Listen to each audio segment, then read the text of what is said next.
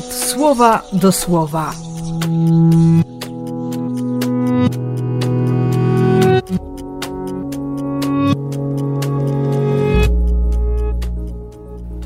Dwudziesty trzeci stycznia, poniedziałek.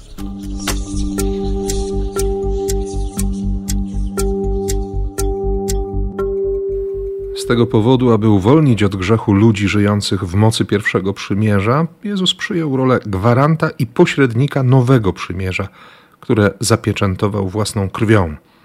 Uczynił to, by mogła wejść w życie obietnica, że każdy, kto z ufnością odpowie na jego wezwanie, otrzyma udział w jego odwiecznym i nieskończonym dziedzictwie.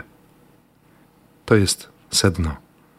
Uwolnić od spętania, od połamania, od tego wszystkiego, co próbuje nas przekonać, że, że Bogu na nas nie zależy, że Bóg się nie interesuje, że Bóg nie chce naszego dobra.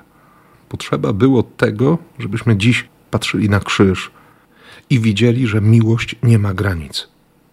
Nawet jeśli my stawiamy jej jakieś granice, albo sami próbujemy ją ograniczyć. Jak choćby ta plotka w Ewangelii, że postradał rozum i zła wola tych, którzy przychodzą z samego centrum, elity. Zła wola, która, która objawia się oskarżeniem, wydaniem osądu, nie badaniem sprawy, ale, ale z góry narzuconą opinią, bo oni wiedzą. Im wtedy się wydawało, że wiedzą. Nie wiem jak tobie, mnie się też niestety często wydaje, że wiem. A wtedy Bóg mi przypomina, że że on wie lepiej.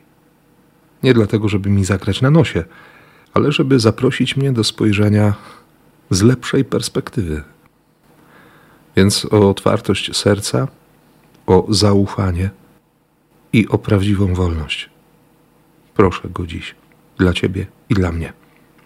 I błogosławię w imię Ojca i Syna i Ducha Świętego. Amen.